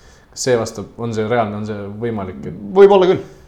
see on see ju oli... selles, meeskonnas noh, ka Atletic on selline, teeme tööd, võitleme, selline sitke meeskond, natukene natukene selline. Noh, teisel poolel olen näinud seda, põhimõtteliselt kui me kahega korrutame, siis üheksateist kilomeetrit oh, vast nii palju ikka jooks teisel poolel väsis ära, aga noh, eks see. seisis kaitses rohkem. Atletic on hull sats ja tegelikult ju Barcelonal ka nagu halbu uudiseid ikkagi tuli, Luis Suarez vigane avavoorus. Messi on niigi veel vigane. et siis ikkagi on Neimari vaja. jah, nii nõme mees, kui ta ka ei oleks, aga, aga on vaja ja noh, kui pannakse seal, eks ole, vot see on nüüd natukene see ka, et, et eks ma olen alati noh, Kriismann on juba suur poiss nii-öelda, saab hakkama ja Atleticus vaadati ka tema otsa väga palju, aga miks ma olen alati skeptiline nende noorte mängijate mineku osas nendesse suurtesse klubidesse et, et ma saan aru, et see on nagu noh, kuidas sa ütled ära, kui sa oled Hispaania mängija ja Barcelona või, või, või Real tuleb koputama nii-öelda, eks ole, või noh, Saksamaal Bayern samamoodi. aga, aga millalgi peaks võib-olla tegema kokkuvõtte, et, et noh, kui paljude lubavate mängijate karjäär, me ei saa kunagi teada, kas, kas oleks kuskil mujal mees särama löönud, üks suvaline näide praegu lihtsalt tuleb pähe veel sellest nädalavahetusest, Tanis Ebaios, kes Realis, eks ole, noh. sai ju tegelikult mängu küll ja kõik, aga nüüd läks Arsenali ja, ja Arsenali vastu, Arsenali mängus äh, Burnley vastu lihtsalt vaatad suu lahti, kuidas see mees asju teeb, millise enesekindlusega, kui, kui, kui hästi. Ja miks ma sellest räägin, Barcelonas Usman Dembele, sest et noh, juba pannakse videot kokku, et, Dembele horror show ja, ja mis, mis kõik low lights ja, ja kõik need asjad, et noh, sa oled seal nii luubi all, et sulle ei anta lihtsalt võimalust eksida. Tegelikult samamoodi noh, sisuliselt ju Gareth Bale'i, kes läks ju ka staarina ikkagi hakati noh, tampima põhimõtteliselt sellest hetkest peale, kui ta jättis esimese värava löömata või, või noh no Coutinho nüüd sai minema aasta nüüd, nüüd see minema jah, eks jah. Bayernisse kusjuures noh, seal nagu objektiivselt seal ei peaks olema väiksemad pinged peal, aga kindlasti on väiksemad. see on kultuuriline erinevus, see Jah. kultuur ei ole niisugune peksjate kultuur põhimõtteliselt. kuigi Bayern on ju noh, isegi vaata et rohkem kui Barcelona ja Real on meeskond, kellelt tõesti oodatakse nagu igas mängus kindlasti võitu. et noh, see, see, see on nagu selline dilemma jälle ja, ja noh, juba, juba on need jutud, et, et Valverde tuleb lahti lasta ja et Barcelona mängustiil on liiga negatiivne ja kõik. no ma tuletaks võib-olla natukene nendele mingitele Barcelona fännidele, kui neid meie kuulajate seas on, kes nii arvavad, meelde, et noh. Barcelona nagu päris kaua on olnud ka päris kõrgel tipus, et, et võib-olla jah, võib-olla võtaks rahulikult. hooaeg on pikk ees ja samas siin on ka väga põnev, et kui ma eelmisel nädalal äh, tugevasti siin kritiseerisin Real Madridi, siis üllatus-üllatus. alustasid äh, võõrsil äh, Celta Vigoga niimoodi, et võitsid kolm-üks, seejuures üle poole tunni mängisid Luka Modritši päris veidra punase kaardi tõttu vähemuses. Garrett Bale oli seal kohe algkoosseisus, andis väravasõidu kohe esimesele väravale päris kiirelt. väga palju ja tihti ma leian ka põhjendamatult kritiseeritud Karim Benzema lõi seal juhtvärava. James Rodriguez oli isegi pingi peal, et öö, noh, Real Madrid ikkagi võib-olla siin. Zidane jälle, et, et kui ikkagi punktide peale mänguks läheb, et küll me siis mängime jalgpalli nii-öelda. kuidas ikka nädalaga võib kõik muutuda. Oli selline potentsiaalse lagunemise mäng täpselt ja selle asemel näidati jõudu hoopis. ja just, sest sõna. te, tegelikult ju vähemusse jäädi üks-null seisu pealt. ja minu meelest oli, minu meelest oli siis kohe oli äh, Celta Vigol tegelikult super võimalus üks-üks lüüa. siis, aga noh, pealöök läks täpselt. ja siis järgnes äh, Toni Kroosi värav, mis on lihtsalt nagu Patrick Endroveelma sama nagu. Et ei no ma ikka jah, selles jah, Kroos Kroos õppis Veelmaa pealt ikkagi, ma mõtleks ka nii. niipidi jah. no veel ma lõi varem. no ei ja see on selge. ja veel ma lõin teise ristnurka ka, nii et Toni no Kroos. siis, siis vaatas ikka video, siis vaatas ikka Kroos vaatas ikka videot. mis sul mõttes oli? Aga noh, kes ei ole näinud, siis soovitan vaadata hull värav, nii nagu see Adurise omagi. ja muidugi Atleticut mainime ka, et võtsid oma üks-nulli ära, võib-olla noh, ka seal mängus muide oli ka kaks väga veidrat punast kaarti, et, et noh, ilmselt Hispaania lehed saavad neist kohtunikest jahuda jälle pikalt-laialt. aga uus Atletico on, on huvitav meeskond, on põnev meeskond ja, ja noh, jällegi jälle üks minu isiklik kiiks, et, et kui mingid kuskil maha kantud mehed lähevad ja löövad nagu Morata lõi, siis, siis see on tore jah, vot nii palju siis äh, sellest äh, Hispaania avanädalavahetusel oli teisi mänge veel, eks üks neli-neli tuli ka ära juba. kõige kohta saate Sokkernetist lugeda, aga, aga ikkagi need, inglane Hispaanias mängib hästi, see on kõva sõna, Kieran Trippier oli man of the match selles mängus kahtlemata, andis väravasöödu ja No ja- oli väga hea paremal äärel. ja, ja ikkagi Suurbritanniast Garrett Bale, Garrett Bale andis ju ka väravasöödu, nii ja, et. Suurbritannia jalgpallurite invasioon jätkub Hispaanias. aga nii palju Hispaaniast läheme põgusalt äh, Saksamaa juurde, ehk siis seal algas ka kõik nii nagu peaaegu et kogu Saksamaa ootas, ehk siis Bayern kaotas peaaegu. Viik, Viik, Viigi mängisid on Berliini Hertaga jah, et kaotasid punkte, mis oli kodus Hertale kaks-kaks, see ongi peaaegu kaotus Bayerni jaoks, et jällegi liiga läinud hea. et noh, huvitav näha, kuidas Dortmund, kes nüüd Dortmund alustas ikkagi väga esimese suurelt. ehmatuse nagu ümber pööras, tegi oma siukse klassikalise jälle, kui mu nüüd mälu ei peta, et, et.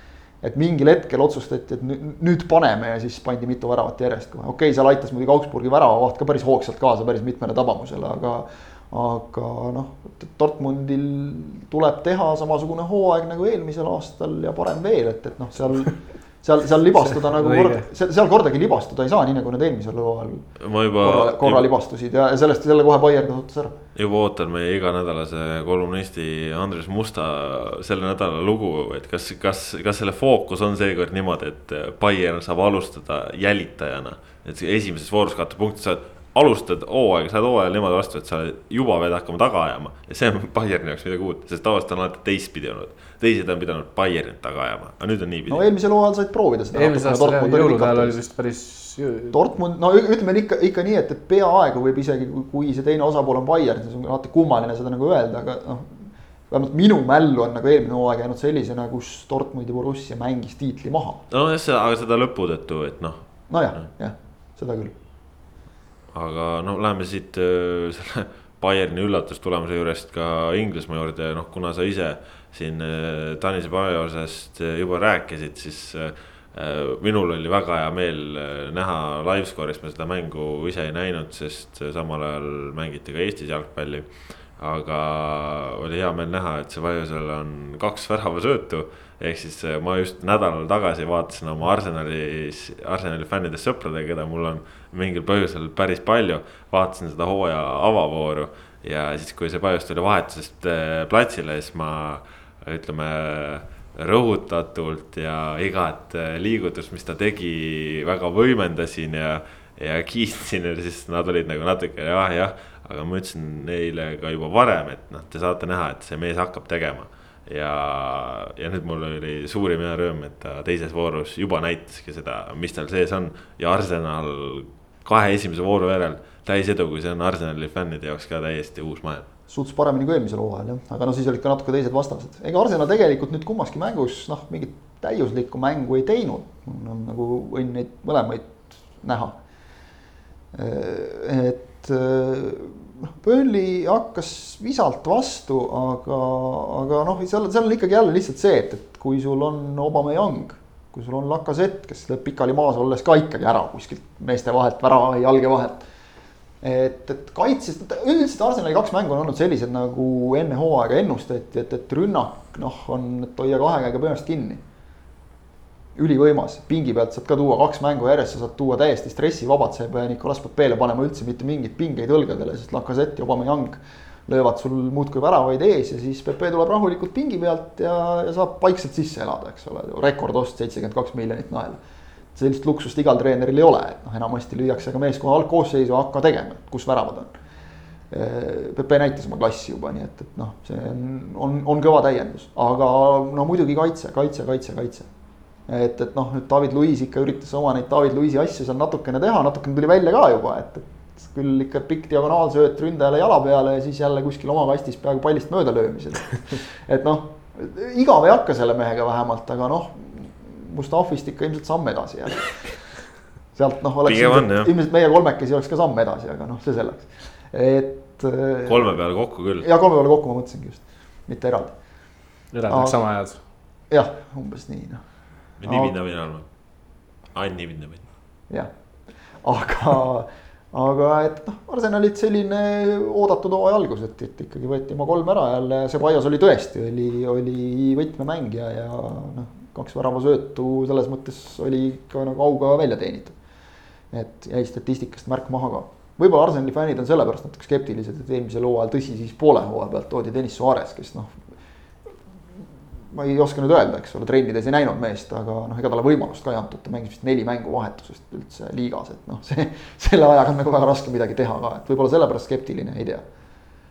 aga noh, Inglismaal muidugi suur küsimärk või küsimus on olnud Varr ja, ja noh, ma siin nagu nädalavahetusel seda asja oma peas natukene analüüsides mingi, mingi järelduseni nagu jõudsin, et noh, Varr saab nüüd muidugi, seda võis ette aimata juba, et Varr hakkab saama paremalt ja vasakult ja puid alla ja, ja igatepidi inglaste käest, sest noh, inglased on teada-tuntud üldiselt igasuguse uue niisugused noh, põlastajad, põlgajad.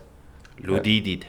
ludiidid jah, täpselt, et noh, seekord keegi nagu seal sellele vist ei ole jõudnud veel kahe vooru jooksul, noh, täna on üks mäng õhtul veel, et, et ei ole kahe vooru jooksul keegi sellele varri boksile nagu kättpidi kallale ei ole jõudnud minna, nagu siin, nagu siin mõned mehed on läinud, aga. Jesus sai vastu ka nüüd.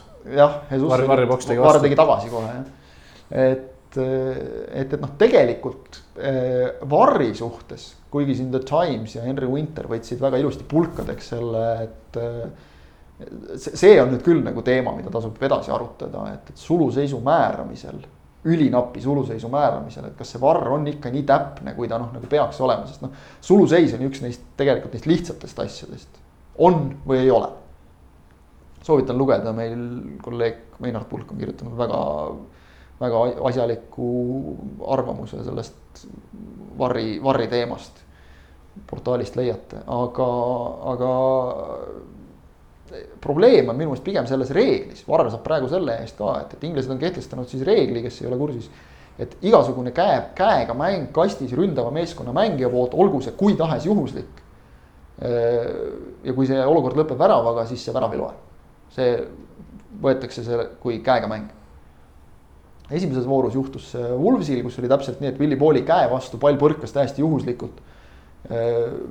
Äh, varasemate reeglite järgi olen täiesti kindel, et seda ei oleks käega mängus. ongi ju, see ei olnud tahtlik. aga see ongi ju uute reeglitega ju tuligi see nüanss juurde, uutes reeglites ongi see ju kirjas, et ongi, kui äh, väravale on eelnenud. käegamäng, just, siis. igasugune. igasugune, igasugune käegamäng, rõhutame. mille kohta nüüd öö, leidsime, eks ole, nägime teist selle rakendust ja, ja noh, selles mõttes jälle reeglite järgi sajaprotsendiliselt õige otsus. Man City ja Tottenhami mängus, kus, kus pall põrkas Aimeric Laporti käest. et äh, Gabriel Jesusile, kes, kes lõi selle väravasse selles mõttes ei ole nagu midagi vaielda, et kui reegel on selline, pall tõesti muutis Laporti käest täiesti selgelt suunda. noh, me võime vaielda, et ja kohtunik ei oleks näinud, Varr nägi, noh, see on ka sihuke minu jaoks nagu jabur vaidlus, et noh, selleks see Varr ongi, et aidata kohtunikku, et ta näeks asju, palju käis käe vastas, see on fakt. muutis sealt suunda, põrkas Jesusile ette, aga minu jaoks on ka, ma olen nõus nendega, kes ütlevad, probleem on selles, et kui samasuguse käega mängu teeks karistusalas kaitsva meeskonna mängija, sealt ei antaks penaltit. ehk see on selle reegli juures ebaõiglane. mitte see, et Varr selle reeg-, seda reeglit rakendades Varriga ära nähti, et see pall kätt puudutas, see ei ole probleem.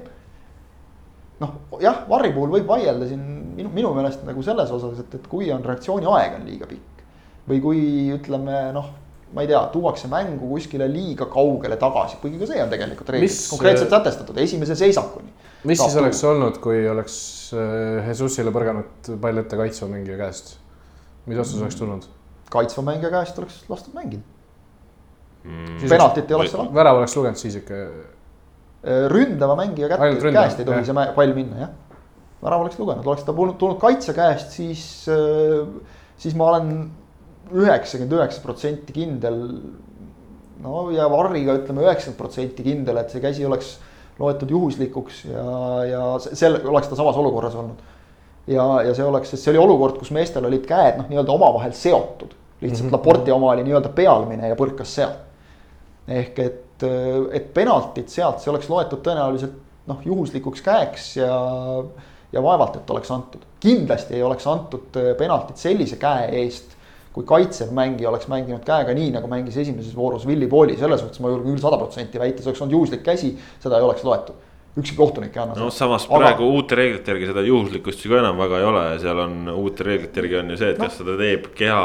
Ja, ei teinud keha suuremaks ka antud juhul, jah, nõus sulle jah, selles mõttes, et, et loeme ka seda nagu, et, et noh, kõigi nende parameetrite järgi ei oleks olnud ja mida Varr muidugi on toonud nüüd probleemina on see, et, et kui esimesel poolajal äh, Rodri tõmmati kastis, noh ikka äh, oli vist Erik Lamela see, kes, kes põhimõtteliselt pani mehele käe kaela ümber ja tõmbas ta sealt pikali maha. ja seda olukorda Varr isegi ei vaadanud. või noh, vähemalt ei vaadatud teda niimoodi, et kohtunikuni oleks nagu see, see info nagu avalikkuse jaoks jõudnud, ilmselt Varri boksis vaadati, öeldi, ei ole penalti, kõik et noh, vot sellised olukorrad, see on nüüd jälle see, et, et see varri lisandumine mingites olukordades ta aitab tuua selgust ja teistes olukordades tekitab automaatselt küsimuse, et aga miks me seda siis ei vaata. mis on tegelikult Seda nagu jälle nende varri, varri vastaste üldise hoiaku ka vastuollu minev, et, et noh, te ju tahate, et mängus oleks vähem katkestusi, eks ole, aga samas nüüd nõuate, et varr jälle vaataks, et noh, see. See võtab muidugi aega, kuni, kuni me kõik harjume sellega, aga, aga, aga eks ta, eks ta selles mõttes problemaatiline on, selliseid etteheiteid nagu umbes nüüd ei saa enam väravat tähistada, noh. Neid ma ei võtaks liiga tõsiselt või see, et, et nüüd kui Varr ütleb, et väravat ei ole, siis vastase fännid hõiskavad ja see ei lähe ikka jalgpalli vaimuga kokku, nagu siin vist, kas oligi see oli see Woolsi peatreener vist, kes seda väitis pärast pooli värava tühistamist, et noh, need on minu jaoks sellised emotsionaalsed noh. noh, emotsionaalselt mõistetavalt sisuliselt nonsense väited. no see, mulle isiklikult see topelttähistamine või rööm ja siis see mulle, see, see mulle ei meeldi Varri puhul. ei, mulle ka ei meeldi see nagu selles mõttes, aga, aga noh, ütleme, et selliseid asju on siin enne ka olnud, et pannakse kuskile nurgalipu juurde külakuhja kokku ja siis. keegi alles ütleb, et mehed, näe, kohtuniku suluseisulipp on üleval, et, et noh. Shit happens, see läheb nagu sinna rubriiki natukene, et, et noh, kellelegi, kellelegi meist, ma arvan, ei meeldi see nagu, et nüüd hõisatakse sellele, et jess, telekas näitab no goal, eks ole, et, et noh samas äh, võtame seda tulemuse ka kui sellise ette, kaks-kaks. Rasmus, kas see on äh, pigem niipidi, et äh, Spurs näitas, et Spurs Ei, ei. näitas, et nad on kõrges mängus või see näitas tegelikult see on, näitas tegelikult seda, kui võimas on City ikkagi. tegid täiesti hullu mängu, väga-väga, Tottenhamil oli väga-väga palju õnne, et nad sealt seal oli punkti mingi kolmkümmend pluss peale see tuletame oli- meelde, see on iga kolme minuti tagant on üks löök. ja No nad see- tegid, see tähendab ka seda, nad tegid ka kolmkümmend lööki rohkem kui Spur- Spurs, sest nad olid, vastased lõid mingi, äkki mingi hetk oli kindlasti kolmkümmend kolm. oli küll jah. see, see oli täiesti, täiesti sürreaalne, see on erakordse masinana ikka City kokku saanud, see on, tiitel No, on täiega City kaotada, mina. Liverpooli fännina. Murillo teab, millest ta räägib selles suhtes, et et tõepoolest Cityl jah, võta see eilne meeskond, pane kuskile konteinerisse kinni ja. ja, ja, ja City võtab, paneb teise samasuguse peale, seal ei ole noh. aga kui see konteiner kinni oleks, võiksid Eestisse saata nagu ikka Eestisse konteineriga neid välismaalasi. ja see oleks üks variant jah, sellised konteinerid, need ei satu siia Eestisse miskipärast, kus sellise kaliibriga. kurat küll. sellise kaliibriga mehed kinni oleksid, nii et me peame veel siin tegelema natuke selle, logistikuid on paremaid vaja natuke. Aga ei noh, nagu Rasmus ütles jah, et ma, ma kujutan, ma ei tahaks Liverpooli fänn olla nagu selles suhtes, et sa paned, sa paned kokku. BBC-l oli täna oli nagu nad ikka ka oma siukest esmaspäevast väikest vestlusringi üleval hoiavad natukene seal, et käia üle veel nädalavahetusel juhtunu ja siis seal oli nii-öelda päevaküsimus. oli nende, nende laivis, tekstilaivis oli, et, et, et kõige noh, valusam see. et inglise keeles on see väljend, et noh, it's the hope that kills you, et see, see on see kõige hullem, et kui see lootus on see. no minu jaoks isiklikult on, on see, ei ületa ilmselt seda legendaarset Aguero seda momenti, kus, kus Man United oli oma mängu lõpetanud ja oli põhimõtteliselt mingi kolm minutit oli, võis ennast mõelda endast kui järjekordse tiitli võitnud meeskonnast. ja siis võeti ära ja keegi tõi seal selles vestluses tõi välja Liverpooli eelmise hooaja. Sa oskad nüüd ilmselt öelda, et, et kui valus see oli, sest iga mäng oli hooaja lõpus oli see tunne, et no, noh, nüüd on vaja ühte City libastumist ja kurat ei libastu mitte ühtegi korda. siis peab kompanii sellise asja. jah, ja siis, siis tulevad sellised asjad, eks ole, et, et noh, ma kujutan ette, et see võis nagu valus olla, et, et kui praegu ka, kui siin noh, ma, ma nüüd päris nii uljaks ei lähe nagu Gary Neville, kes teatas. teatas, et äh, United võitab, võidab tiitli enne kui Liverpool järgmise Inglismaa no meistri. ta teadis isegi seda, et Salah läheb kaheteist kuu pärast ära ja kõik. et ta teadis palju asju jah, noh nagu need täpselt teadjad on sageli sellised. täpselt teab. täpselt teadjad jah täpselt teadmisest saate ka Sokkernetist lugeda. Soovi- Voolaiu video võtke ja lugege, seal on täpselt intervjuu. intervjuu täpselt jah. suurepärane teadmisest. intervjuu jah, Eesti koondise peatreeneri Karel Voolaiuga. Võiks- Ott, Ott Järvel autoriks kindlasti lugege. võiks vist öelda lausa eksklusiivne, sest ei ole, Voolaiuga ei ole pikka intervjuud keegi veel teinud pärast. tekstis küll mitte jah. jah, tekstis just. tekstis jah, just. et, et on, on ta käinud siin erinevates jutusaadetes, see on, see on ka tubli muidugi. aga, aga ühesõnaga jõudis jah Inglise jalgpalli juurde nüüd ringiga tagasi, siis äh, Liverpoolil tuleb ilmselt jah, samasugune kannatamise hooaeg, et, et tee ükskõik kui hästi sa teed ja kusjuures jälle esimesed mängud on näidanud.